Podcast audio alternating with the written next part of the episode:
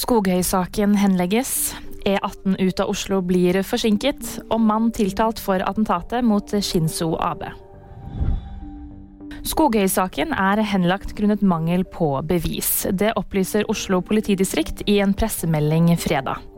Det var i desember at høyesterettsdommer Jens Edvin Andreassen Skogøy gikk offentlig ut og hevdet at kona hans hadde forgiftet han med et bedøvende middel.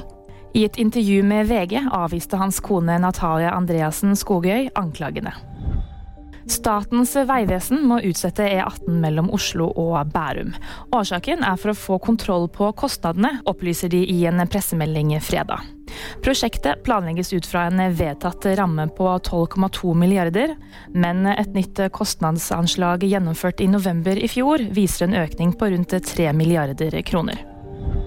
Tetsua Yamagami er tiltalt for attentatet mot Japans tidligere statsminister Shinzo Abe. Det melder nyhetsbyrået AP, som siterer japanske medier. Abe ble skutt to ganger mens han holdt en tale i fjor sommer, og døde av skadene kort tid senere.